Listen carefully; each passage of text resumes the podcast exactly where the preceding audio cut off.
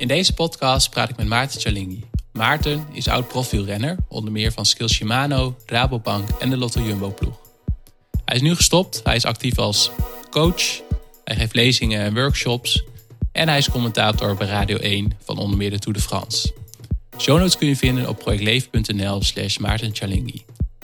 Wat ik er leuk aan vind is dat we ingaan op zijn leven als profielrenner. Ik vraag aan hem ook of hij doping heeft gebruikt. Ook hoe hij eigenlijk wat hij heeft geleerd in zijn leven als renner, hoe hij dat nu toepast en gebruikt. En hij geeft een aantal voorspellingen of een vooruitblik eigenlijk op het komende wielerseizoen. Dus dat is eigenlijk een deel in deze podcast die wat meer tijdelijk is dan tijdloos. Ik probeer er meestal naar te streven dat mijn podcasts tijdloos zijn. Dus als je dit luistert in 2025, dat je, dat je nog steeds wat uit kan halen. En maar misschien dat je dan denkt van nou, die voorspellingen die Maarten deed, dat sloeg helemaal nergens op. Maar uh, ja, dat is dan maar even zo. Um, wat ik heel erg tof vind, is dat ik eigenlijk. Ik doe natuurlijk heel graag aan crossfit en hardlopen. Dat weet je als deze podcast wel vaker luistert. Maar ik ben ook een groot fan van wielrennen. Zowel om het zelf te doen als ook om er naar te kijken. En een van de dingen die ik altijd heel erg leuk vond uh, vroeger is dat ik met twee van mijn beste vrienden, Jarn en Tim, gingen we dan de Ronde van Vlaanderen kijken. Um, ja, dat was een soort van gebruik met, uh, met Belgisch bier erbij. En wat ik ook heel erg leuk vind aan wielrennen is ook de combinatie met technologie. Dus binnenkort geef ik ook bijvoorbeeld een lezing op de Thomas Oriëntatiedag. Dat is een uh, grote studiedag voor gymdocenten. En dan ga ik vertellen eigenlijk over de invloed van nieuwe technologie en hoe zij dat kunnen gebruiken in hun werk. En later die week doe ik dat ook voor fysiotherapeuten. En volgens mij is het helemaal niet zo negatief dat technologie alleen maar ervoor zorgt dat kinderen bijvoorbeeld minder bewegen. Want een heel mooi voorbeeld vind ik bijvoorbeeld Swift. Swift is een, uh, ja, eigenlijk een soort van computerspel. Waarin jij een smart trainer, een smart indoor trainer aansluit op je laptop. En daar zet je je achterwiel in, of ja, ja, je achterwiel in, en dan kun je gaan fietsen tegen anderen. Je kan het ook uh, alleen doen. Dus ik heb ook een keer virtueel de Alpe d'Huez uh, beklommen voordat ik hem echt ging be beklimmen. En dat is wel een mooi voordeel, voorbeeld, net als Strava, van technologie in de sport. En we hebben het daar in het gesprek uh, niet zo lang over, maar we benoemen het wel even. En dat brengt me ook tot een van de sponsoren van deze podcast. Dat is Wahoo. De Wahoo Kicker Snap is een voorbeeld van een indoor smart trainer. En dat is mooi, want dan uh, niet zoals met uh, andere smart trainers dat je echt je achterwiel erin moet zetten, maar je zet eigenlijk je, uh, je tandwielen zet je erin. En je koppelt hem aan je laptop. Dat gaat door middel van Bluetooth. En je kan hem ook koppelen aan bijvoorbeeld je, je tablet of je smartphone. En wat heel erg fascinerend is, is als je dan gaat fietsen, dat je tegen anderen kan fietsen. Bijvoorbeeld in Swift, dat is heel erg leuk. Maar als je een beklimming aan ziet komen in Swift op het computerscherm, dan wordt automatisch ook de, uh, de weerstand uh, van de smart trainer aangepast. Dus je voelt gewoon dat je echt een beklimming opgaat. En je voelt ook als je een gat moet dichten naar een volgende, uh, naar volgende groep. Of als je achter iemand fietst of als je in de wind fietst. Dus elke keer wordt de weerstand aangepast. Dus dat komt al best wel dichtbij eigenlijk een ja, echte, echte wielerervaring. Al heb je dan natuurlijk niet het gevoel van, van de wind in je uh, in je gezicht of, uh, of, de, of de regen op je, op je pak. Uh, dus Wahoo is een van de sponsoren um, van deze podcast. En natuurlijk, net als vorige keer, wil ik ook aandacht geven aan mijn boek. biohackingboek.nl. Ga er nu naartoe als je nog niet bent geweest. Want één belangrijk onderdeel van biohacking is ook Quantified Self. En voor mij begon eigenlijk Quantified Self, dus het meten van allerlei dingen in je leven, met sport. Dus ik was heel veel bezig met hardlopen en wielrennen. Uh, niet alleen door middel van het dragen van een uh, hart, uh, hartslagmeter en een sporthorloge, maar al gauw kwamen ook apps als Runkeeper voor hardlopen. En natuurlijk Strava. nou, als je wielrent en je houdt een beetje van technologie, dan weet je wel wat Strava is en gebruik je het zelf ook. En dus Runkeeper en Strava en Swift komen ook aan bod in het biohacking boek. Dus ga naar biohackingboek.nl en daar kun je alvast het boek pre-orderen. Uh, zowel het uh, digitale variant als zeg maar de echte variant. En we beginnen het gesprek zo meteen direct, want meestal heb ik een soort van uh, soundcheck met de gast. En dat had ik deze keer ook met Maarten. En hij vertelt eigenlijk over zijn geheim waarom hij nooit blessures heeft gehad. Afgezien van ja, de gebruikelijke valpartijen. Maar dat is een soort van normaal als je wielrenner bent, denk ik. In ieder geval, ik vond het uh, heel erg gaaf om met Maarten te spreken. En ik hoop dat jij het net zo leuk vond als ik. Dus, here we go.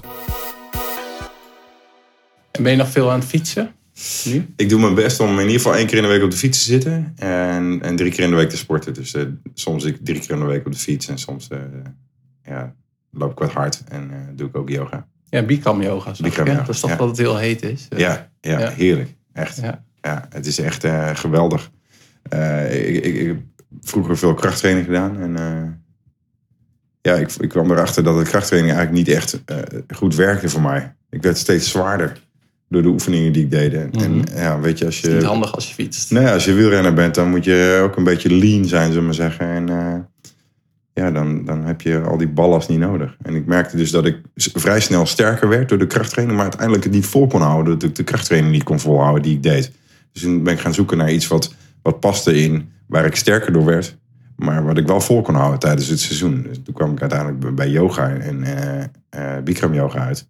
En uh, dat ben ik eigenlijk gaan doen. En uh, ja, dat kon ik ook door één, twee, drie keer in de maand te doen. Tijdens het seizoen kon ik dat dan ook gewoon volhouden. Nou, ja. Weet je, tussen de wedstrijden door. En het was gewoon fantastisch. Want met, met, met Bikram uh, merkte ik dat ik alle antagonisten van alles wat ik doe op de fiets en gebruik op de fiets, ja, oprek en, en, en, en, sterker maakte. Mm. Core stability. Nou, dat was perfect bij mij. En ja, ik heb sinds dat ik uh, in 2007 begon met Bikram, heb ik eigenlijk geen blessures meer gehad op uh, een paar valpartijen na. En uh, ja, wat er dan aan road rash en, en breuken ontstaat. Ja, ja precies. Ja. dus dat, ja. ja. Ja, nou leuk. Voor de luisteraars die, die geen wielerliefhebber zijn, zou je jezelf willen introduceren? Ja, nou ja, ik, ik heb de afgelopen 24 jaar op een, op een racefiets gezeten en op een mountainbike en nog wat geschaatst. Uh, ik ben uh, ex-prof. Uh, ik heb afgelopen, nou ja, wat is het, 2016 mijn fiets aan de wil gehangen. En heb toen besloten om verder te gaan als, als coach, als mental coach. Maar ook als analist bij de NOS. Dus als je vanaf 1 juli luistert naar Radio Tour de France, dan hoor je mijn stem. Ehm, ik doe allerlei lezingen, workshops, clinics voor bedrijven. En als mental coach, eh, dat is iets wat ik uh, wat, wat nog een beetje in de kinderschoenen staat, maar wat ik wel echt gewoon wil doorontwikkelen naar ja, gewoon mijn dagelijkse uh, ja, bestaan. Ik teer nu nog een beetje op, het, op, op de legacy van het wielrennen, dat, dat weet ik. En nou ja, goed, daar maak ik handig gebruik van op dit moment. En alles wat er komt, ja, en het beetje bij me past, dan denk ik, ja, dat ga ik doen. Ja. dus ik ben een beetje aan het experimenteren nu met, met dingen die op mijn pad komen. Ja, en is er iets wat, uh, wat niet zo bekend over jou is, uh, wat je wel heel erg gepassioneerd over bent of heel veel interesse in hebt? Nou, er zijn een paar dingetjes natuurlijk die, die als, als wielrenner was ik altijd gefocust op fietsen. En uh, op, op presteren, op resultaten halen. maar er is ook nog een kant van, van waardering. Van, wat, wat, wat vind ik leuk om te doen waar ik echt ook energie van krijg. Nou en een van de dingen is dat ik me nu hard maak voor, voor de Nierstichting bijvoorbeeld. Ik heb één nier. Dat, dat, weet ook niet iedereen van mij. Ik heb mijn hele topsportcarrière één nier gehad. Toen ik twee was, had ik een tumor. En nou ja, die hebben ze eruit gehaald. En uh, nou ja, eh, die tumor zat in de ene nier. Die nier hebben ze verwijderd. Dus ik heb mijn hele, leven met één, één, nier gedaan. En uh, dat weet niet iedereen. Ja, weet je, daarnaast ben ik onwijs gepassioneerd van mijn kinderen thuis en mijn, mijn, familie. dus, en dan vooral mijn gezin. Uh, en, en daar probeer ik nu ook mijn best te doen om dat, uh, om, om dat te ondersteunen en daar, er zoveel mogelijk voor te zijn. Ja, en welke associatie heb jij met de, de term peak performance? Ehm, ja, peak, peak performance heeft voor mij te maken met het, er zijn twee aspecten: het, het fysieke stuk en het, het mentale stuk. Dat, als je, mensen die naar de Olympische Spelen gekeken hebben de afgelopen periode, ja, die, die weten, uh, je kunt, je kunt tip-top fysiek in vorm zijn, maar als het mentaal niet klikt en niet klopt, uh, ja, dan, dan kom je niet uit de verf. En uh, dat, dat vind ik heel interessant. en, en voor mij is dat ook peak performance. Zowel voor het individu als voor het team. Maar op het moment dat je geen peak performers hebt, individuen, ga je ook geen peak performing team hebben. En, en dat is echt wel een van de dingen die ik ja, heel goed zie nu, een beetje van de zijlijn, waar ik mee bezig ben. zeker als mental coach zie ik dat mensen die dus fysiek supergoed zijn, het toch niet halen. En uh, sommige mensen die fysiek nog net niet helemaal 100% zijn, het toch halen. Doordat ze mentaal uh, ja, zichzelf over de tipping point heen helpen om, om te presteren. Dat vind ik heel interessante materie. Ja, lijkt me leuk om daar verderop in het gesprek nog meer over te hebben. maar ik wil graag beginnen met je carrière als wielrenner. Um, want hoe, zag, hoe, ja, hoe ziet zo'n uh, gemiddelde week eruit? In, nou, laten we het concreet maken. In de aanloop naar de Tour de France. Ik weet niet hoe vaak je hem hebt gefietst. Ik heb hem drie keer gereden. Ja. Hoe ziet uh, drie weken van tevoren, hoe ziet jouw week er dan uit? Ja, dan zit je of in de Dauphiné Libéré of Tour de Suisse. Uh, nog, nog een belangrijke wedstrijd te rijden. En, en die, belang, die belangrijke wedstrijd is vooral omdat je het fysiek nodig hebt om nog een keertje tot het uiterste te gaan. Om je lichaam te, te, triggeren. Dat er, er komt straks die 3D Tour aan. Er komt straks drie weken volle bak intensiteit aan. Eh, daarna heb je een week rust. Eh, of, of, nou ja, relatieve rust, zullen we maar zeggen. Je moet eigenlijk kijken hoe kun je supercompensatie krijgen in die weken van de Tour. Nou, dat doe je dus door uh, Dauphiné, Suisse te rijden. Daarna een kleine rustperiode. Maar wel nog zorgen dat je scherp blijft en, en scherp bent. En NK zit er heel vaak tussen. En, en dan heb je een week voor de Tour. Uh, waarbij je ja, die, in die tussenweken zit al, al reizen daar naartoe. Nog een parcours verkennen onderweg. Of, of uh, daar een paar dagen ervoor. als er een proloog is, de proloog rijden op je tijdritfiets. Dat je gewoon even nog scherp blijft om die eerste dag te knallen. En daarna meteen in het goede ritme te zitten om die drie weken door te gaan. Ja, dus we hadden net over drie weken ervoor, maar die periode daarvoor, vijf weken of zo. Woonde jij toen ook in Nederland? Want ik weet ook dat zijn veel Nederlandse profielrenners die in uh, Monaco wonen of zo, of in Italië. Ja, dat is, die mannen verhuizen vooral voor het geld. Uh, als, je, als je zoveel belasting betaalt, dan, uh, ja, dan kun je beter in, in Monaco gaan wonen. ja, voor, voor, mij was er, had ik uitgerekend dat er een break-even was. Waar ik net onder, net boven zat. En ja, dan was het voor mij niet interessant. Tenminste, op, op korte termijn niet interessant. Hè. Ik was relatief laat ben ik prof geworden. Ik was 27 toen ik prof werd. En uh, ja, dan, dan weet je, uh, je, je kunt misschien nog 10 jaar, uh, 12, 12 jaar prof zijn. Dan heb ik 11 jaar prof geweest. Dus ik heb er denk ik wel uh, goed veel uitgehaald. Maar het is een onzekere periode. En dan ga je dan voor een onzekere periode toch ja, je hele familie, je hele gezin meenemen naar het buitenland. Hè, om, om daar, uh, daar te settelen, min of meer, voor een korte periode. Ja, mijn partner die is thuis. En omdat het dus net wel, net niet voor mij uh, uitmaakte, had ik zoiets van, ja, weet je, ik ga voor die, wat is het, nou ja, een paar procent uh, minder belasting.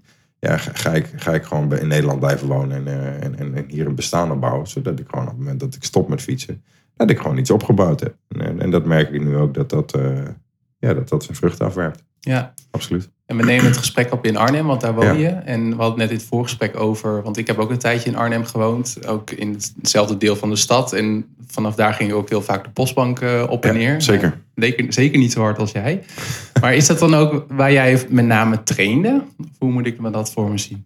Ja, ik heb uh, zeker de afgelopen, de afgelopen jaren, 2016, uh, 2015, heb ik, heb ik steeds meer ook de postbank opgereden. Um, en, en zeker toen ik wist dat de Giro naar eh, Arnhem zou komen.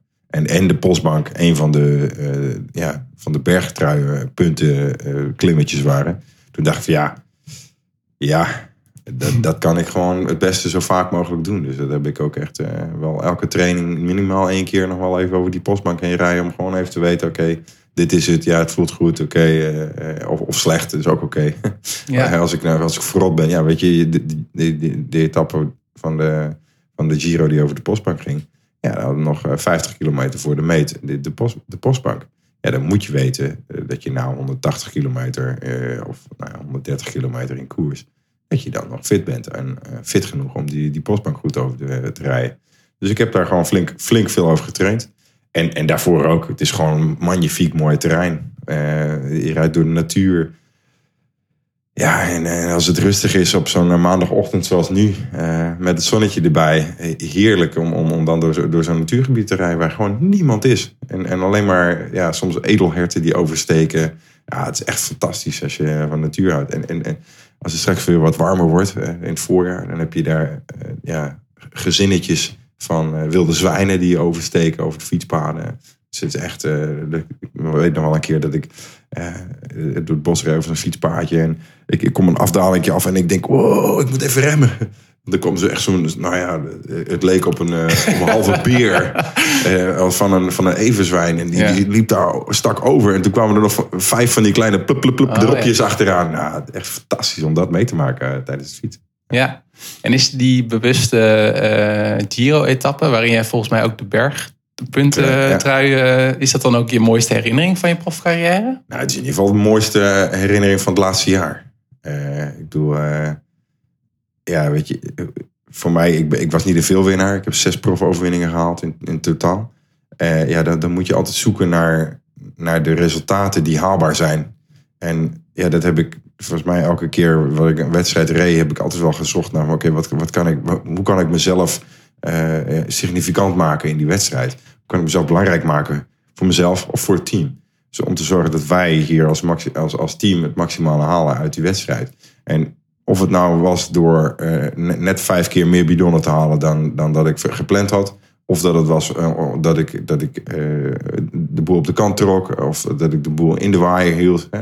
Dat is ook heel belangrijk. Dat zie je niet op het moment dat eh, je sprinter wint. Maar je zit een team omheen die zorgt dat die sprinter in die eerste, eerste waaier zit. Om te zorgen dat hij tot sprinten kan komen. Want we hebben ook wel veel meegemaakt dat er een sprinter was. Maar die zat dan een beetje te lanterfanter in het laatste stuk van het peloton. Het gaat op de kant. Hij is niet mee. En je wint niet. Of dan zelf nog een wedstrijd eh, of een etappe te winnen. En dat is ook wel heel mooi natuurlijk. Op het moment dat je dan mee zit in een groep. Je hebt die sprinter niet in, de, in die wedstrijd. World Port Classic is natuurlijk een hele mooie voorbeeld ervan. eh 2013. En we rijden weg met een groep. Eh, Maarten Wijnands en ik zitten in die groep. En eh, van 15.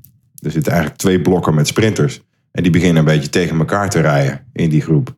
Nou ja, Maarten en ik keken elkaar aan. We hoefden niet heel veel te zeggen. Maar we wisten dat we om de beurt moesten gaan demareren. Om te zorgen dat wij in ieder geval bij die sprinters wegkwamen. En dat weten we. En vervolgens blijf ik weg. En win ik die, die etappe. En dat was natuurlijk fantastisch om zoiets mee te maken. Ja. Maar ja, zo elke wedstrijd kijken hoe kan ik het met mezelf significant maken. En dat is natuurlijk het mooiste. Om dat dan ook in je laatste jaar als prof te doen. Terwijl het Giro in Arnhem komt. Ja. Om in dat jaar eh, op mijn, in mijn eigen stad op het podium te kunnen komen. Nou ja, en Ja. eh, daar was de postbank voor nodig. ja, precies. Ja. En eh, je, je bent relatief laat prof geworden. Ehm, heeft, eh, ehm, ja, hoe kan dat? Had het te maken ook met die, mentaal, met die mentale weerbaarheid die je had? Of, misschien wel. Maar vooral ook met, met. Kijk, wat mij drijft is energie, is passie, is plezier, is, is, is, is, eh, is, dat ik iets leuk vind. Is dat ik ja, energie krijg van wat ik doe. En ja, dat, is zo belangrijk om, om, om dat ik daar ook naar luister. En ik was mountainbiker vanuit passie. Omdat ik het echt fantastisch vind om in de natuur te fietsen. En dat, daarom woon ik ook hier omdat je hier zo geweldig kan fietsen in de natuur, in de bossen. Eh, ik bedoel, ik heb, ik heb soms trainingen gedaan van vijf, zes uur. Waarbij ik misschien tien mensen tegenkwam. Niet meer. Gewoon omdat je gewoon lekker eh, maandagochtend vertrekt. eh, je, je rijdt lekker de bossen in. en je hoeft gewoon niemand tegen te komen. En Dat vind ik gewoon super lekker. Om dan vrij, vrij te zijn. ja. en, en, en als mountainbiker in het bos ja, heb je dat eigenlijk veel sneller. Want ja, als je hier op straat loopt of, of fietst, ja, dan kom je geheid veel mensen tegen. En in het bos is het soms zo rustig, kom je helemaal niemand tegen. En, en dat vond ik super. En ik vond mountainbiken ook super gaaf. Eh, dus ik heb ook, en ook daarvoor heb ik geschaatst eh, tot, mijn, eh, tot mijn negentiende. En ook daar was het ik vond het geweldig om, om te voelen dat je door die bocht gaat, dat je druk hebt en dat je keihard kan trappen. En dat je heerlijk in die swoon van het schaatsen zit. Van links, rechts, afzetten. Springen van het ene been naar het andere been. Eh, super hard glijden over het ijs. Nou, dat vond ik echt fantastisch. Dus ik heb ook met pijn in mijn hart afscheid genomen van de schaatsport. Om te gaan mountainbiken. En eigenlijk gebeurde dat precies hetzelfde. eh, op het moment dat ik mountainbikte. Vond ik dat geweldig. Bedoel, ik was eh, in 99 denk ik. 1999 deed ik mijn eerste wegwedstrijd met de nationale mount- mountainbike selectie. In Frankrijk. Bij de Tour de l'Ain. Ik was nog belofte. En toen lag ik al bij iemand op de kamer die, die, die was ook al eh, eh, prof geweest. En die was dus na profcarrière op de weg op de mountainbike gegaan. Eh, en volgens mij is hij na iets met ja, de duathlons gaan doen. maar die jongen vertelde me toen al van, joh, maar jij moet op de weg gaan rijden, veel beter. En de bondscoach zei dat ook altijd, ja, je moet de weg rijden. Maar ik vond het mountainbiken gewoon leuk en tof en, en ik kreeg er super veel energie van. En ja, dat heeft voor mij gewoon gezorgd dat ik op een gegeven moment pas besefte, ja, maar je mag het dus even, Maarten, je moet ook geld verdienen met wat je doet. oh ja. Ja. Dat heeft voor mij op een gegeven moment eh, ja, het, het besef eh, doen binnendruppelen. Misschien moet je ook eens gaan kijken wat er nog meer allemaal is. Ik was, ook- daarnaast was ik naar de, wilde ik naar de Olympische Spelen in 2004. Is niet gelukt. Ja, toen was voor mij ook dat ik dacht van ja, nu moet ik ook eens gaan nadenken over eh, hoe houdbaar is wat ik doe nu op dit moment. Hè, want want ik, ik, vond, ik vind sporten geweldig. Eh, ik zit nu ook weer te broeden op van wat kan ik gaan doen eh, om, om weer, weer wat meer te gaan sporten. Eh, en dat, dat zijpelt binnen en eh, een beetje bij beetje komt dat wel, eh, komt dat wel weer boven, bovendrijven. En, en dan, dan kan ik er ook weer energie en aandacht aan geven. Op dit moment is het, eh, is, is het coachen, is het, is het een nieuw bedrijf opzetten. Met dezelfde energie die ik dus van het schaatsen naar het mountainbiken, van het mountainbiken naar de weg, van de weg nu naar het coachen eh, eh, wil ervaren in wat ik doe. Ja. Die energie is voor mij echt de leidraad voor alles wat ik doe. Ja. En ehm, nog even voor de record. Ehm, ehm, ben je zelf ook zelf of in je omgeving ook in aanraking gekomen met, eh, met doping? Nou ja, technisch gesproken is, is er heel veel wat er nu, eh, nu niet, niet gebeurt. Eh, in het verleden wel gebeurde, is, is doping. Hè? Ik bedoel, op het moment dat je kijkt naar de ne- no-needle policy bijvoorbeeld. Ja, in, in het verleden hadden wij gewoon eh, ja, de supplementen die we nu in pillen nemen. die hadden we toen in, in, in ampullen en injecties. Ja, dat is, dat, dat is nu doping. En toen niet. Ja. je? En, en zo... Ja, weet je, dat is een beetje een, moeilijk verhaal. Heb je doping gebruikt? Nee, natuurlijk niet. Want anders had ik niet eh, kunnen halen wat ik, eh, wat ik deed. Maar ja, als je, als je op, de, op de seconde eh, gaat kijken... Ja, dan, dan zijn er heel veel regels veranderd... die, die nu zorgen dat, dat iemand doping gebruikt... terwijl het vroeger niet zo was. Nee. Ja, Maar het is Koffie, niet. koffie is ook zo'n voorbeeld. Koffie heeft gewoon heel lang op de dopinglijst gestaan. Dat je dus maximaal, weet ik veel, een bepaald percentage aan je lichaamsgewicht. Dus je moest. eh, Ja. nou ja, weet je, en dan was je wel of niet positief. Ja. ja. Maar dat zijn dingen, weet je, cafeïne. Ja, weet je, cafeïne, dat gebruikt iedereen.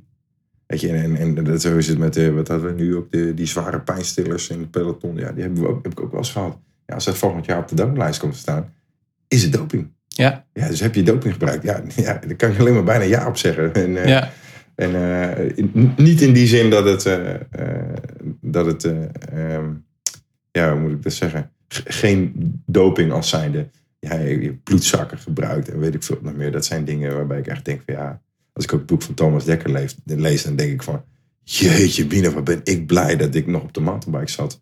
En semi-naïef, zullen we maar zeggen. Eh, ik wist wat er gebeurde op de weg. Tenminste, eh, niet zozeer als zijnde wat, wat heb ik daar gelezen. Maar het is wel dat ik denk van ja, man, wat ben ik achteraf blij dat ik die tijd niet zomaar heb meegemaakt in het peloton. En dat ik gewoon nog aan het mountainbiken was. nee. Dus je hebt geen dingen gedaan waar je achteraf spijt van hebt. Nee. Nee. Nee, nee en, en, en sowieso eh, vind ik, vind ik eh, spijt. Spijt is het missen van het leermoment, zullen we maar zeggen. Voor mij. En, en, en dat is iets wat ik denk, eh, eh, ja, weet je, overal leer je van. Ja. En hoe ehm, ehm, doping kun je zien als een soort van technologie. Hoe ehm, gebruik jij ook nieuwe technologie voor wielrenners? Dus dan bijvoorbeeld Strava of Swift, hè, dat je virtueel kan fietsen. Doe je daar, deed je daar veel dingen mee of doe je daar veel dingen mee? Eh, S- Strava is natuurlijk iets moois om eh, vooral de interactie op te zoeken met, met, je, met je publiek, met, eh, met, met eh, mensen die ook dat parcours fietsen wat jij altijd fietst. En, en dat is gewoon super gaaf. Maar de doping, ben ik misschien net wel even vergeten, maar een van de dopingen die ik wel gebruikt heb, is mentale doping. Ik ben vanaf 2003 even kijken, drie zelfs, 2003 ben ik bezig gegaan met een mentale training voor topsporters. En ik noem dat mentale doping, omdat dat eh, het, het, het stukje, en dat is dus waar we het net ook over hadden, het stukje, eh, en, en ik geloof dat je 80% fysiek eh, kan toewerken naar je topprestatie, maar dat je daarna eh, 20% top eh, met, met, met mentale weerbaarheid, met mentale scherpte, met, met overtuigingskracht, met, eh, nou ja, wat heb je nodig om overtuigd op je fiets te zitten om je wedstrijd te gaan rijden zoals jij dat gaat willen. En zoals jij dat wil. En dat heeft te maken natuurlijk met allerlei voorbereidingsfactoren. Eén daarvan is fysiek, maar de andere zijn, zijn allemaal mentaal.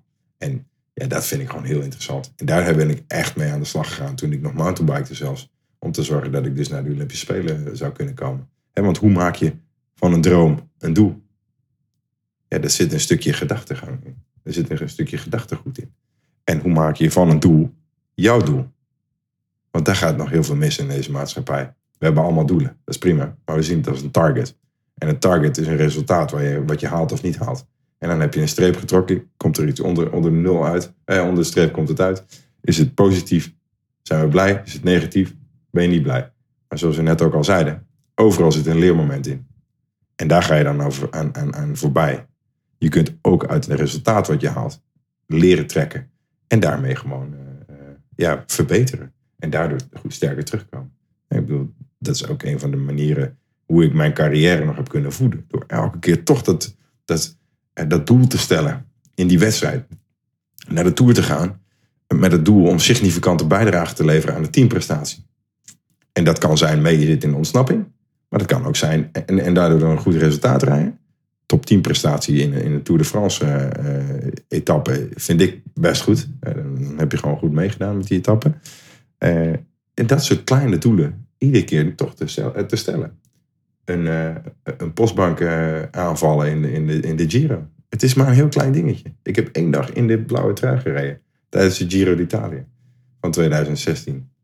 Maar daarmee wel 650.000 mensen in één weekend gehaald. En in drie weken tijd bijna 4 miljoen mensen die mijn Twitter-timeline gevolgd hebben. Dus zo kan iets kleins toch iets heel groots uh, uitkomen. En het mooie was, dat had ook een fantastisch positieve bijdrage aan de teamprestatie die we toen neerzetten. Met Steven Kruiswijk. Mm, ja. ja. Ik slik even. En die uh, uh, is mentale doping voor jou, was dat zeg maar het, het stellen van eh, heel bewust zeg maar uh, een dag ingaan met van dit wil ik bereiken en als ik niet bereik dan leer ik daarvan? Of was je ook bezig met visualiseren of mediteren of andere... Ja ja, ik, denk, ik denk dat mediteren ook een soort van visualiseren is. Maar dan het juist niet visualiseren. En uh, visualiseren heeft iedereen het idee altijd van... Goh, dat gaat over beelden maken in je hoofd. Maar iedereen visualiseert op zijn eigen manier. En dat is, dat is de kunst ook van als je mentale training gaat doen. Het gaat om hoe past die mentale training in wat jij doet. Past het bij jou? Want je kunt wel leuk gaan visualiseren... maar als je helemaal niks hebt met beelden maken wat ga je dan doen met een beeld wat in je hoofd eh, ontstaat? Ja, als je er een bepaald gevoel bij wil hebben, kan dat ook. En dan kun je beter je gevoel visualiseren dan dat je een beeld visualiseert. Nou ja, dan kun je gaan kijken van er zijn mensen die op tonaliteit, hè, op, hun, op hun uh, spraak visualiseren. Joh, schrijf het uit, vertel het tegen jezelf. En je hebt een mooi verhaal wat jij wil, wil vertellen uh, tegen jezelf om jezelf te motiveren in een etappe om je het maximaal eruit te halen. En dan heb je nog de mensen die gaan beredeneren waarom het allemaal precies goed werkt. En dat is ook een vorm van visualiseren. Dus, en als je ze alle vier benut, dan haal je het maximale uit je voorbereiding als mentale trainer. Ja. En dat is het allemaal benutten. Weet je ook uh, raar aangekeken omdat je dit deed toen? Nou ja, weet je, kijk, ik, ik, ik weet het niet misschien wel, maar ja. Het geen last van. Nee, ja, je ziet iedereen die doet het nu ook. Er zijn steeds meer mensen die gewoon mentale trainers hebben, of mental coaches of uh, wat dan ook. Ja. ja. Of een psycholoog zelfs. Ja. En ik ben van mening dat een psycholoog ja, kan helpen. Ja. ja. En jij past er nu ook toe binnen je eigen bedrijf. Ja. Uh, kun je daar wat meer over vertellen? Uh, hoe, hoe doe je? Nou, je, um, wat ik heb begrepen is dat je mentale, uh, niet alleen groepsessies doet, maar ook mentale coaching voor individu ja, individuen. En echt, ja. wel nieuw hoe dat er in grote lijnen uitziet. Nou ja, dat, dat heeft alles te maken met hoe, uh, hoe bouw je een interne voorstelling op. Hè? Zoals ik net ook zei, welke aspecten behandel je om je eigen interne voorstelling te, eh, te kunnen uh, maken. waarbij je je doel centraal stelt. En zeker als, als, als topsporter. voor mij is het zo wezenlijk belangrijk dat ik, dat ik een doel heb. Want anders dan, waar ben ik dan op weg naartoe? En, en, en dat is wel iets wat ik eh, heel veel gebruik in, in, de, in de coaching die ik zeg. Mensen die hebben misschien wel een doel, maar waar leidt dit doel toe? Ja, als je, als je een doel hebt, is het ook misschien anders. Neem een Elon Musk, is een mooi, mooi voorbeeld. Die heeft, uh, het doel heeft hij om, uh, om, om auto's neer te zetten, om uh, wat is het weer, raketten naar de maan te sturen of naar, de, naar, naar Mars, Mars, te sturen. ja, ja. En om zonnepanelen voor iedereen bereikbaar te maken. Oh ja, en mensen heel snel door, door LA en De, dat is ja, San de, Boring toch? Company. Ja. Ja. Oh ja, en, en, en iedereen in vuur en vlam zetten, toch? En maar goed, daar zit iets boven. Er zit, er zit een. Er zit een eh, en, en dat is ook wat ik merk. Is, hè, ik wilde significant zijn altijd. Waarom? Omdat ik mezelf dan belangrijk voel. En dat is wat, wat, er, wat ik bij mensen dus ook er, eruit probeer te halen. Is van, joh, wat is voor jou belangrijk? Waarom, wat wil jij toevoegen aan, de, aan deze wereld? En ja, dan ga je aan heel uh, zweverige dingen denken soms. Maar het kan ook gewoon heel praktisch zijn. En dan neem ik een Elon Musk en die heeft gewoon de missie om het leven op aarde uh, te verbeteren en te veranderen. Door leven buiten aarde mogelijk te maken. Nou ja, weet je, daar past heel veel in. En je ziet dat ook bij grote bedrijven hè, die, dan, die, die een missie hebben. Uh, en, en, en op basis daarvan stellen ze doelen. En dat doelen passen in die missie. En kijk, uh, weet je, een van mijn, dus dat, volgens mij heb je straks ook nog een vraag over je favoriete boek. Nou ik heb op de fiets redelijk wat luisterboeken gelezen. Omdat ik toch heel vaak alleen trainde. En, dacht van, en niet als je in koers was, maar wel in koers, maar trainen. Trainen ja. Ja. ja. dan zes uur trainen. En dan had ik een half boek doorge, doorgelezen. Of geluisterd. En een van de boeken die ik, die ik best wel tof vond... was The Seven Habits of Highly Effective People van, van Covey. Ja. En ja, weet je, een van de mooie metaforen die hij gebruikt, en die gebruikt dus ook veel in de coaching, is wat zou je aan je leven willen veranderen? En hij beschrijft dan een passage waarbij die, uh, waarbij die op een gegeven moment uh, in een groep mensen staat, op een begraafplaats. En ze gaan iemand begraven. de kist staat er nog naast. En hij luistert naar wat er gezegd wordt. en hij herkent de verhalen. En hij denkt, hé, op een gegeven moment denk ik, jeetje, ik ken ook al die mensen. Hoe kan dat nou? En dan ziet hij zijn vader staan, zijn moeder staan. En hij denkt, wacht eens even. Ik ben op mijn eigen begrafenis. Wetende dat dat over drie maanden is. En dan stelt hij de vraag, wat zou je veranderen? Binnen nu en drie maanden. Om ja, je leven nog wat meer uh, kleur te geven. Wat meer uh, een goed gevoel te hebben over het feit. Om, om, om, om het goed te laten klinken. Ja, en om het juiste beeld bij mensen achter te laten. Wat, wat wil je dat die mensen over jou gaan zeggen? Op het moment dat jij in die kist ligt en het ter grond gaat. En dat vind ik een heel mooi, uh, mooi voorbeeld. En dit is wel een hele harde. Hè? Je kunt hem natuurlijk ook op een vele andere manieren stellen. En, nou ja, goed, en dat is misschien wel een beetje uh, goed om daar ook wel een beetje mee te spelen. Dus ja. Een kind vraagt gewoon wat als je, Laten we dat niet doen. Ja. Maar dan heb je de wondervraag waarbij je kan vragen van... stel je dat voor dat je morgen weer opnieuw geboren wordt. En wat, zou je dan, wat zou je dan willen? Ja. Stel hem maar open. En dan heb je voor oudere mensen, of, of ja, mensen van mijn leeftijd, die kunnen bijvoorbeeld voorstellen dat je uh, je kleinkind op schoot hebt. En dat je mag vertellen over je leven. Als je oma bent of opa bent uh, en je hebt je kleinkind op schoot, wat zou je dan gaan vertellen? Welk verhaal wil je dat dat kleinkind van jou hoort? Waarbij die zegt, oma, vertel nog eens, of opa, vertel nog eens over die periode. En dan mag jij dat nog gaan vormgeven vanaf nu tot die tijd. Dat is natuurlijk fantastisch om dan te bedenken van, ja, wat ga ik allemaal raken, wat ga ik niet raken, waar ben ik tevreden over, waar ben ik niet tevreden over. En, en vooral tegen blijven doen wat je leuk vindt. En overboord gooien wat niet nodig is en wat je niet leuk vindt, waar je geen energie van krijgt. Ja, ja. En uh, uh, welke rol speelt neurolinguistisch programmeren hierin? Want ik zag op de website dat je daar ook ja. uh, als methode of hand gebruikt. Ja. Nou ja, weet je, kijk, het, is een, het is een wetenschap, hè? een empirische wetenschap noemen ze dat. En, en ik, dat vind ik mooi. Ik ben yoga gaan doen ook, omdat ik op een gegeven moment bij fysiotherapie kwam, omdat ik een blessure had. En toen dacht ik, ja, ik ben ook, eigenlijk ben ik niet goed bezig. Want ik had kniepijn. En wat ging ik behandelen? Die knie. Maar die pijn kwam niet uit de knie. Die kwam uit de heup. En als je kijkt naar yoga, yoga bestaat 10.000 jaar oud. 10.000 jaar bestaat het. En dat betekent dat het de oudste vorm van, ik noem het dan maar fysiotherapie, slash krachttraining, slash, uh, uh, ja, hoe, hoe, je het ook wil, total body concept, ter wereld is. En, en ik geloof dus meer dan in de ervaring die in yoga zit, dan in de, nou ja, hoe oud is fysiotherapie? Nou, misschien vanaf het moment dat we in fabrieken en zo zijn gaan werken, of misschien dan nog later. Ja. Ja, dus, zullen we zeggen 100 jaar? Ja. 125 jaar, zoiets? Nou ja, goed, weet je, en dan denk ik, eh, hoe komt het dat we eh, dat, soort, dat soort wetenschap, die, die er is, eh, niet omarmen en zeggen van, goh, vanuit de fysiotherapie, en het wordt, wordt gelukkig wel steeds meer gedaan. Ik bedoel, dat is, dat is echt, wat ik schrijf is zwart-wit. Eh, en ik besef ook wel dat het eh, een, een verouderde blik is. Maar, maar dat vind ik mooi. En dan denk ik, ja, hoe gaaf is het dat je, dat, dat, soort dingen bestaan. En, en zo vind ik het dus met, met NLP ook. Er, zit, er zit een waarheid in. En het is niet de waarheid, maar het is een waarheid. En het mooie is als je het maar ook op die manier neerzet. Als het is niet de waarheid, maar het is een waarheid. En vanuit een waarheid werken is nog altijd beter dan vanuit geen waarheid. En dan heb je in ieder geval ruggengraat vanuit waar je eh, alles kan gaan doen.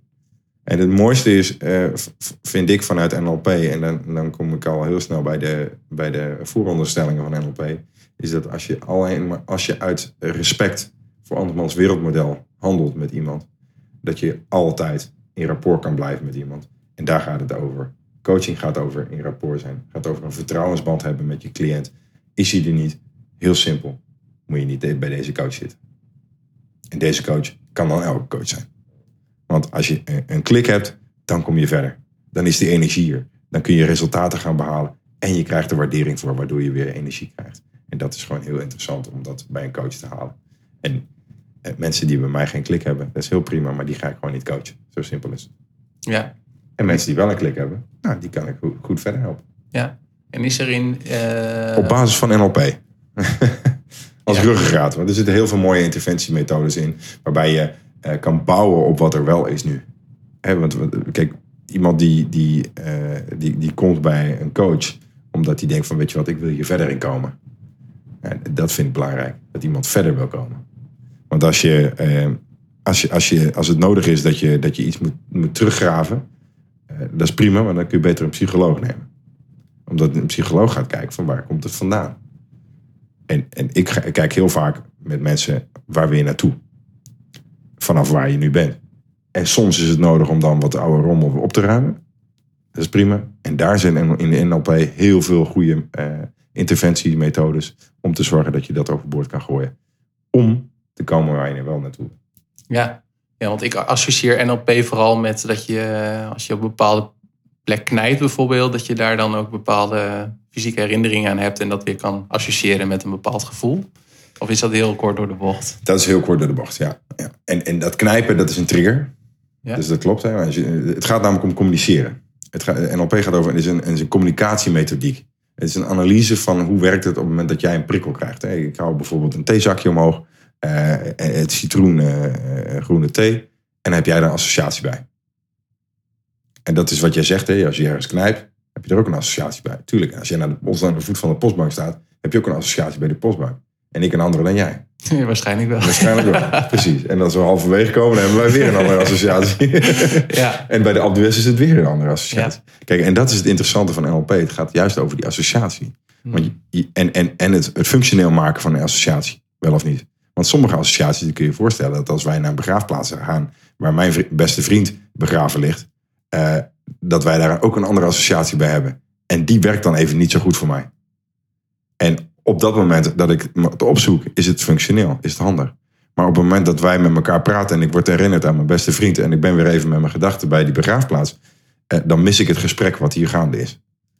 En dat is, dat is een stukje wat bij de NLP eh, tastbaar wordt gemaakt en dat je, eh, waar je mee kan, kan werken. Zodat het op, op het moment dat je het ervaart en je denkt, oh ja, wat is de positieve intentie? Want alles heeft een positieve intentie. Wat is de positieve intentie van de gedachte die ik nu heb? En op het moment dat je die kan zien, werkt het versterkend. En, en dat is interessant. Hoe kan het voor jou dan versterkend zijn? En weet je, ja, NLP is, is wat dat betreft gewoon een hele mooie, eh, eh, ja, ik zou, ik, zou bijna zeggen, een ruggengraat voor, eh, voor, voor, om, om mee te coachen. En, en, en het gaat puur om communiceren met je interne voorstelling. Je maakt de interne voorstelling. Je hebt je, je fysiologie veranderd. En, en, je, en je, je gedrag wordt aangepast aan, aan, nou ja, die basis. Van, van die, eh, er zijn drie, drie aspecten die daarvoor belangrijk zijn. Ja. Ik kan me wel voorstellen dat het jou ook wel heel veel voldoening geeft op het moment dat je zo'n traject ingaat en je ziet dat ook eh, werken en veranderen bij een persoon. Ja, en ik heb het zelf, en weet je, ik ben in 2003 ermee begonnen. En, en ik heb zelf ervaren hoe ik van gedachten van nou ja, Olympische Spelen, ik was, ik was eh, nog niet eens top 40 van de wereld als mountainbiker. En ik moest, moest eh, twee keer, of één keer top 8 of en twee keer top 12 rijden in de wereldbeker. Ja, hoe ging ik dat doen? Ja, niet met de overtuiging dat ik nooit ging halen. Dus ik heb daar heel veel aan gehad om te kijken van welke overtuiging zit er dan. En, en wat moet ik overboord gooien om de mogelijkheid te creëren dat het kan. Want fysiek wist ik, ik heb een uitdaging. Ik ben gewoon een van de zwaarste mountainbikers in het peloton. Ja, dus dan, dan heb je gewoon fysiek niet, niet, niet alles mee. En ik heb, ik heb meerdere malen bewezen dat, dat uh, en voor mezelf bewezen, en niet naar de buitenwereld, maar het gaat voor, me, voor mezelf, dat, dat, ik, dat ik het wel kan. Maar dan moet alles kloppen. Ik moet 80% fit zijn, maar ook 20% mentaal fit zijn. En, en als dat goed is, dan kan ik een wereldbeker bij de top 12 rijden. En dat Ja. heb ik gedaan. Ja. Eentje weliswaar. Dus ik ben niet naar de Olympische Spelen geweest. Nee, nee, ook vanwege een ongelukkig geval. eh, ja, ik hè? had mijn duim gebroken en eh, nou ja, goed. Ja. Ja. Dus ook dat blijft bestaan. We blijven allemaal mensen, hè? maar het is juist het, het mooie van NLP is dat je gaat herkennen welke structuur erachter zit. En, en dat je eh, in de structuur kunt herkennen, oh ja, dan weet je, hi- hier is het functioneel en hier is het niet functioneel. Ja. En dan via de structuur, door de structuur dus rustig aan te passen, kun je gaan werken. Nou, oké. eh, je, we hebben allemaal zo die gedachte van, oh shit. Weet je wel, je kent het wel. Die, oh, verdorie. Of eh, iets, iets negatiefs. En hoe kan je dan vanuit die gedachte kijken van, oh ja, wat, wat vertelt mij deze gedachte eigenlijk? Ja. Ja. En dan kijken, oh ja, misschien kan ik, eh, want het is allemaal als associatie. Hè? Je ziet die berg, je denkt, oh nee, die berg. pff. Terwijl je postbank is anders dan Alpe d'Huez. Als jij een Alpe d'Huez hebt voor, voorgesteld bij de postbank, ja, dan snap ik het. Terwijl als jij 25 keer die postbank opgereden bent, denk je, oh, pff, het is die postbank. Ja. En dan verandert de associatie met de postbank. Ja. En als je dan in de Giro, in de eh, bovenop de postbank kwam als eerste en je pakt de bergtrui, verandert de associatie helemaal. Dus je gaat altijd met een grote glimlach nu de postbank op. Vanwege jouw Het is, echt, associatie. het is echt bizar als ik nu de postbank op rij. Het is echt, ik hoor het publiek weer. Ik, ik, ik weet, die berg die staat er. Ik, ik, ik, ik ga bijna staan en ik, alles, alles gebeurt weer. En ik, weet je, het, het is allemaal visualisatie en, en, en, en associatie. Ja. Maar het, is wel, het gebeurt wel gewoon. Het is Ja. echt super gaaf. Ja. ja, gaaf. En dat is ook NLP.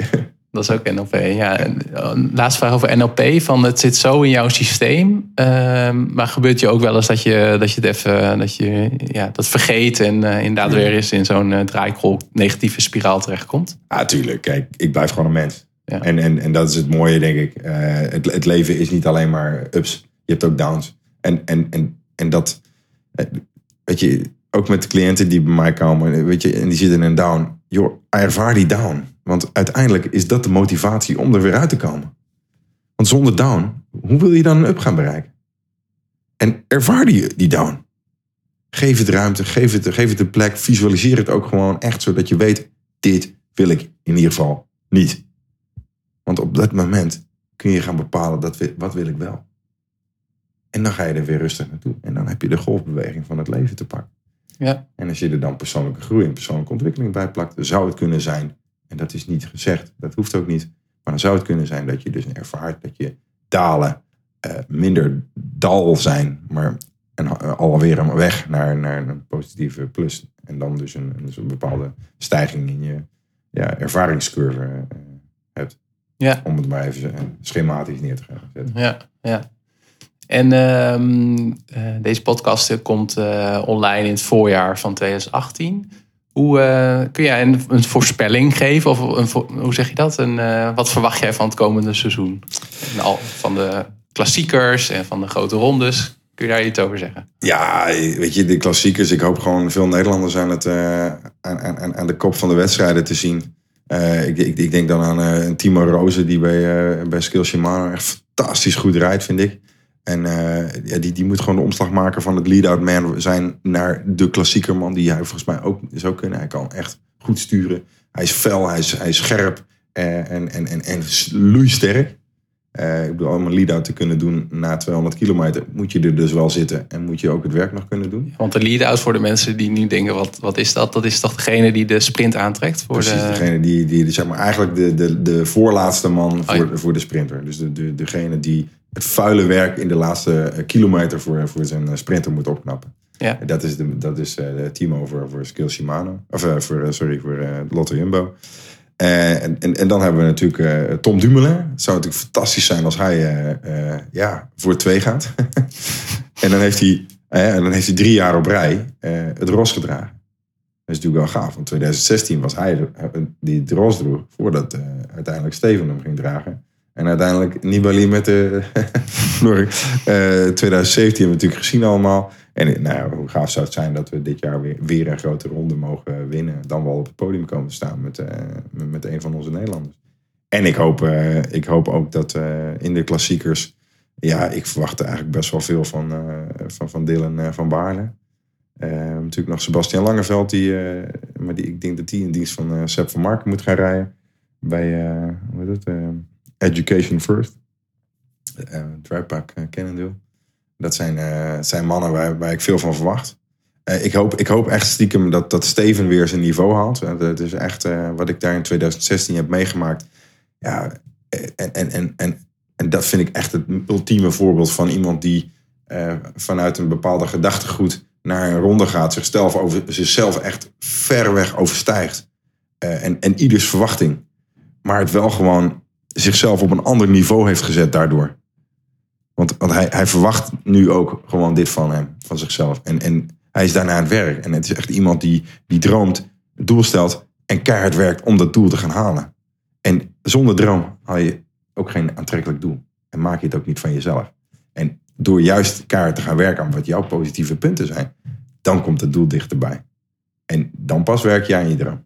En ja. dat is wel heel mooi om dat, uh, om dat te zien bij Steven. Die, hij is zo fanatiek. Het is echt, we zien hem bijna het hele jaar niet. Nu hebben we hem al gezien in, uh, in de Algarve, waar hij gewoon echt goed reed. Was het Algarve? Nee, in de Ruta. In de Ruta del Sol reed hij, reed hij al top 10. Ah, dat is voor mij al een teken van hij is goed in vorm. En hij gaat zich meerdere malen laten zien dit jaar. Ja. En internationaal ben je benieuwd naar wat Sagan weer gaat doen? En Froome? En, ja, ja, kijk, Froome, daar zit natuurlijk nog een, een addertje onder het gras. Ja. Uh, ik, ik, hoop dat dat snel opgeklaard wordt. En, en wat mij betreft uh, schorsen ze hem. Om, uh, om gewoon ja, helder te hebben van, van, jongens, luister, we hebben regels. En die regels gelden voor iedereen. En, en, en op dit moment wordt er gewoon ja, met twee maten gemeten. En dat vind ik gewoon ja, of je moet het beleid zo opstellen hè, dat je met twee maten meet. Dat is prima, maar dan hebben we een, een andere associatie erbij. En dan kun je ook zeggen, ja, maar weet je, eh, dat geldt voor iedereen, maar niet voor de Tour de France winnaar. dan, dan kunnen we dat ook gaan accepteren. Hoe, hoe, hoe moeilijk dat ook is, zullen we maar zeggen. En eigenlijk dan denk ik bij mezelf, ja, dat moet je eigenlijk niet doen. Maar goed, het is wel ja. zeg maar om het even uh, te chargeren. Ja. En ja, weet je, ja, dat vind ik gewoon uh, echt een, een, een, een, een ja ik vind het echt super jammer dat dat op dit moment nog niet opgeklaard is. Want dat zou voor mij uh, uh, ja, toch wel een, een, stabiliserende factor zijn nu op dit moment.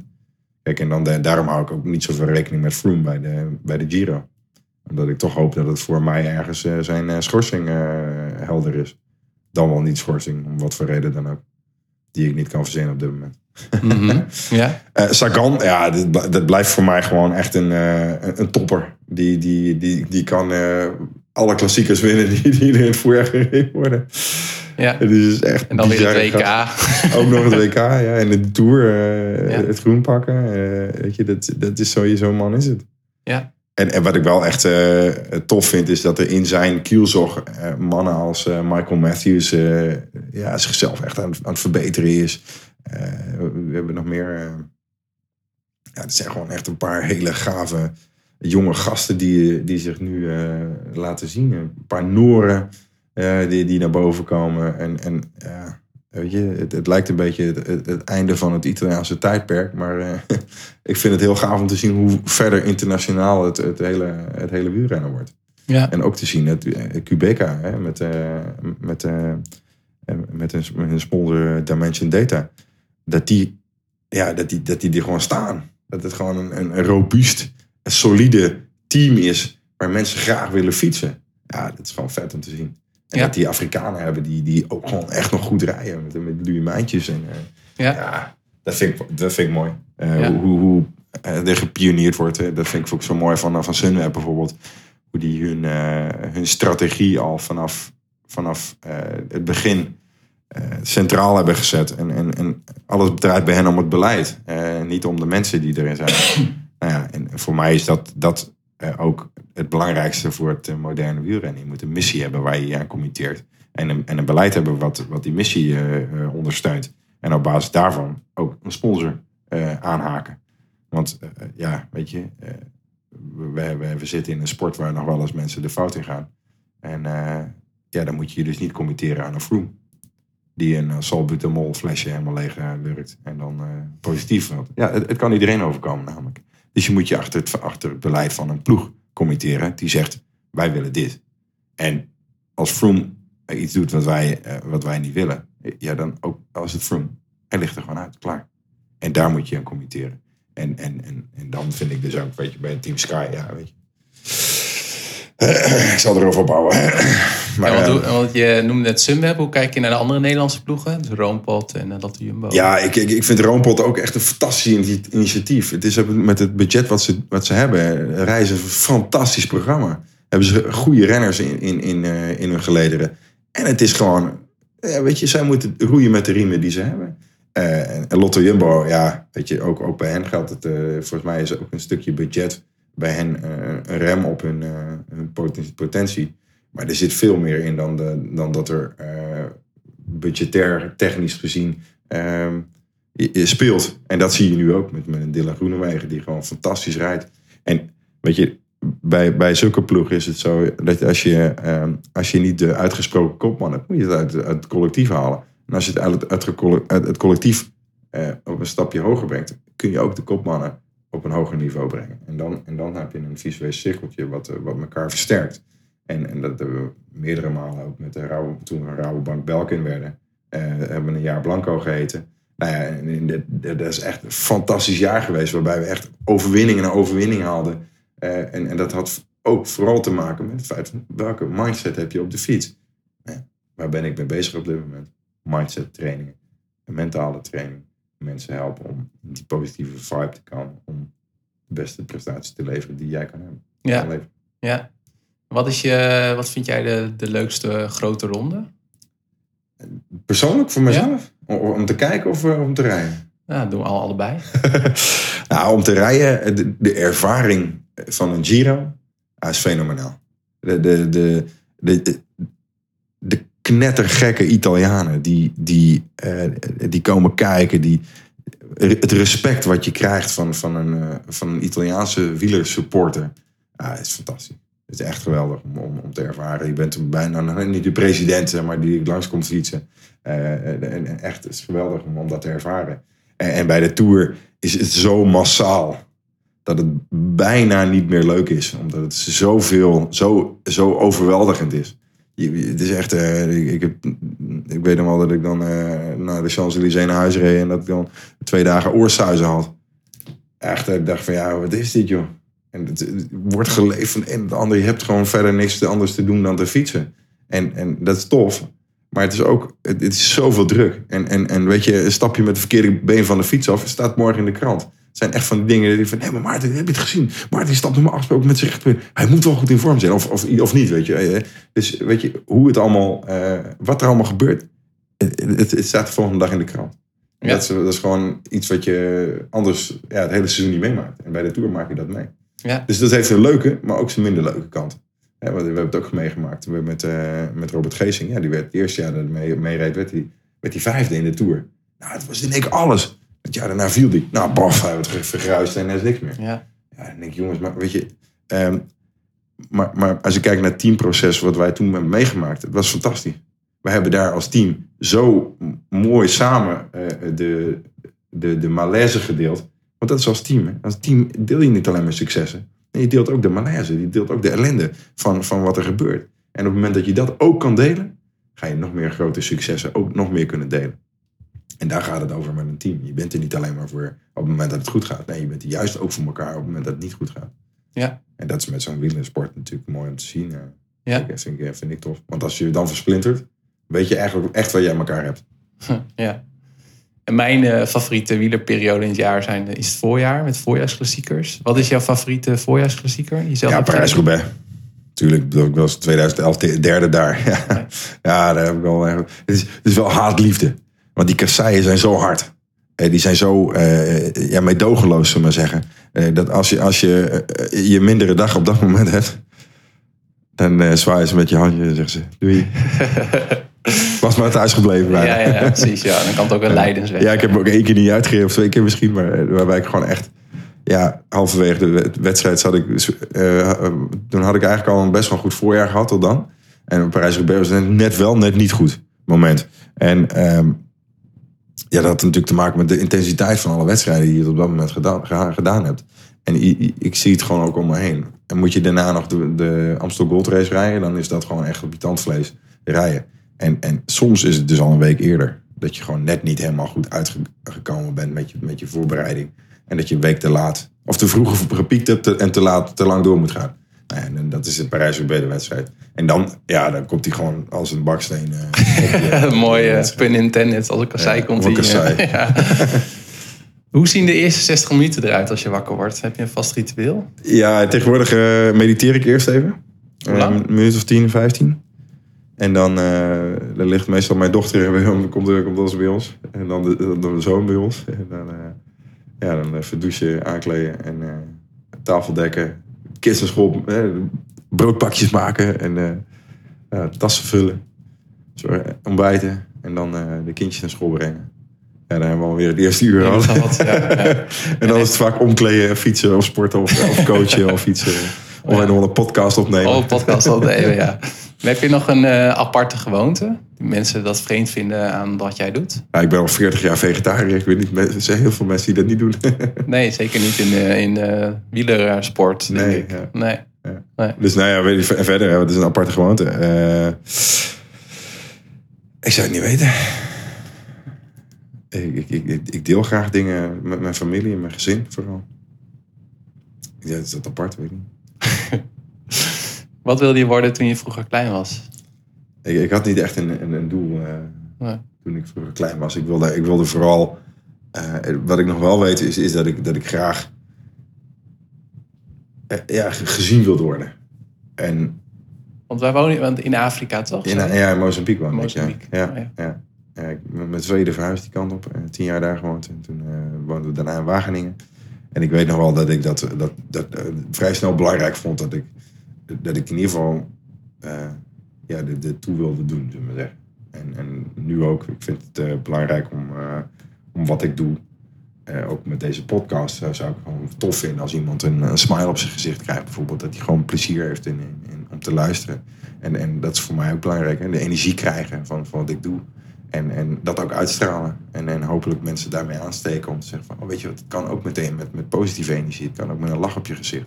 En dat vind ik mooi om, ja, om, om bij te dragen. En, en, en, en, nou ja, mijn leven en het leven van anderen. Ja. Je had al een boekentip gegeven. Is er nog een ander boek waarvan je zoiets hebt van... nee, dat vind ik een van mijn favoriete boeken... of eentje die je nu aan het lezen bent? Ehm. nou ja, er zijn er een aantal.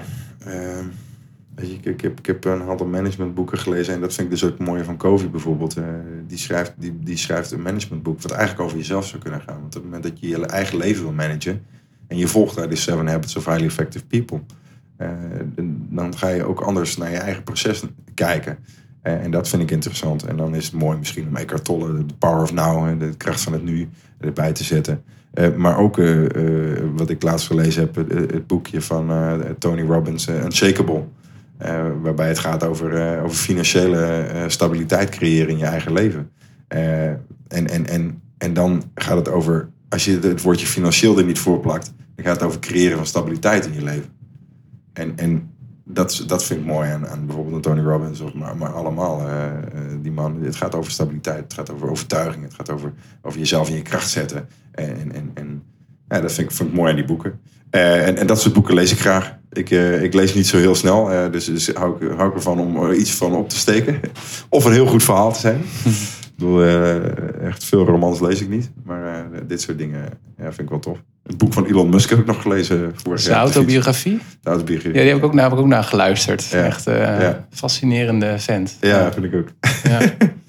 En Aanraden trouwens voor iedereen. ook een aanrader. Ja, ik zet hem ook bij de show notes. Sowieso. Ja, Elon Musk. Ehm, favoriete film of documentaire? Heb je dat? Nee, ja, weet je. eh, eh, de, laatste, de laatste documentaire die ik gezien heb was, was eh, Icarus. Ja, daar moest ik ook net aan denken. Ja. En, en eh, iedereen kijkt er op zijn manier naar. Eh, maar het mooie van wat ik vind is, en, en dat vind ik dus het mooie van het mentale training wat ik nu op dit moment doe met mensen. Eh, kijk, kijk er eens met een, met een, een blik naar van de, van de mental coach. Die man die stopt zich prop en prop vol met medicatie, met doping en weet ik veel. Je bedoelt een documentaire In de maken. documentaire, ja, En op een gegeven moment gaat hij dus zorgen dat zijn... eh, komt hij in ra- aanraking met die, met die expert die zijn, zijn urine gaat on- eh, onderzoeken. Om te zorgen dat hij dus in ieder geval clean is... op het moment dat hij zijn wedstrijd gaat presteren. Eh, Kijk eens naar hoeveel stress het oplevert bij die kerel. Wat hij allemaal aan het doen is. Eh, kijk eens naar eh, de werkelijke prestatieverbetering die hij Ja, dat levert. viel wel tegen. Nou, Ja. En kijk dan eens naar eh, hoe, hoe, hoe, hoe, welke energie heeft die man? Voor en na. Ja. Wat gebeurt er bij hem? En, en dan eens kijken van welk effect heeft eh, de medicatie op zijn prestatie. In die relatie eh, eens een keer naar, die, naar Icarus kijken. Los van het hele Russische dopingverhaal. Want waarschijnlijk zijn al die sporters die die man heeft eh, geholpen... met exact dezelfde structuur bezig geweest.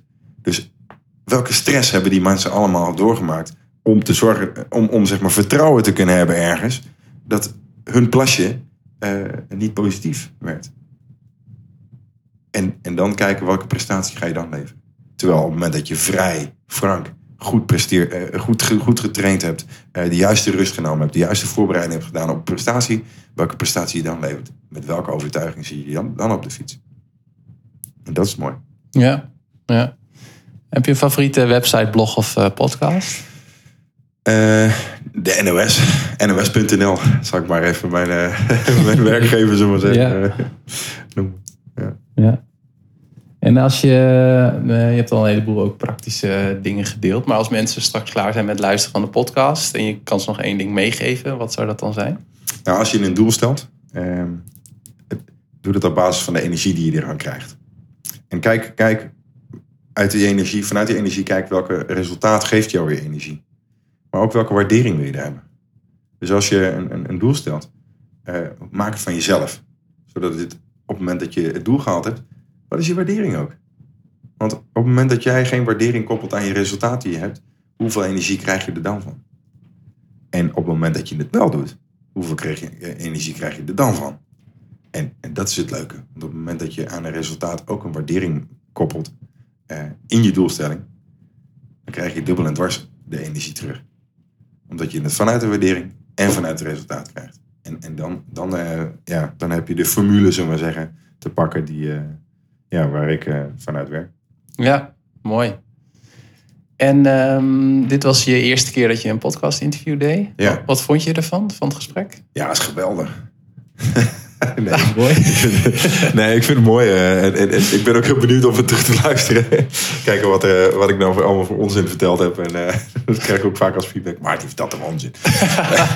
dus ik ben ook benieuwd naar de reacties van, van mensen die, ja, die, die, die dit luisteren. Ja, Dus en waar kunnen zeggen- ze jou dat laten weten? Op- Op, op Twitter, at mchalingi. Of Instagram, mpchalingi. Eh mijn website. of e-mail. Mag ook. Info at. Ja. Dan heb je mij ook te pakken. En dan, eh, ja, ik ben benieuwd. ja, en dat eh, is ook de website van je bedrijf, toch? Ja, Coaching. mwecoaching.com. Ja, ja. Ja. We zijn nog mee aan het werk, maar eh, ja, dat is, weet je, ik heb mezelf drie jaar gegeven om te landen.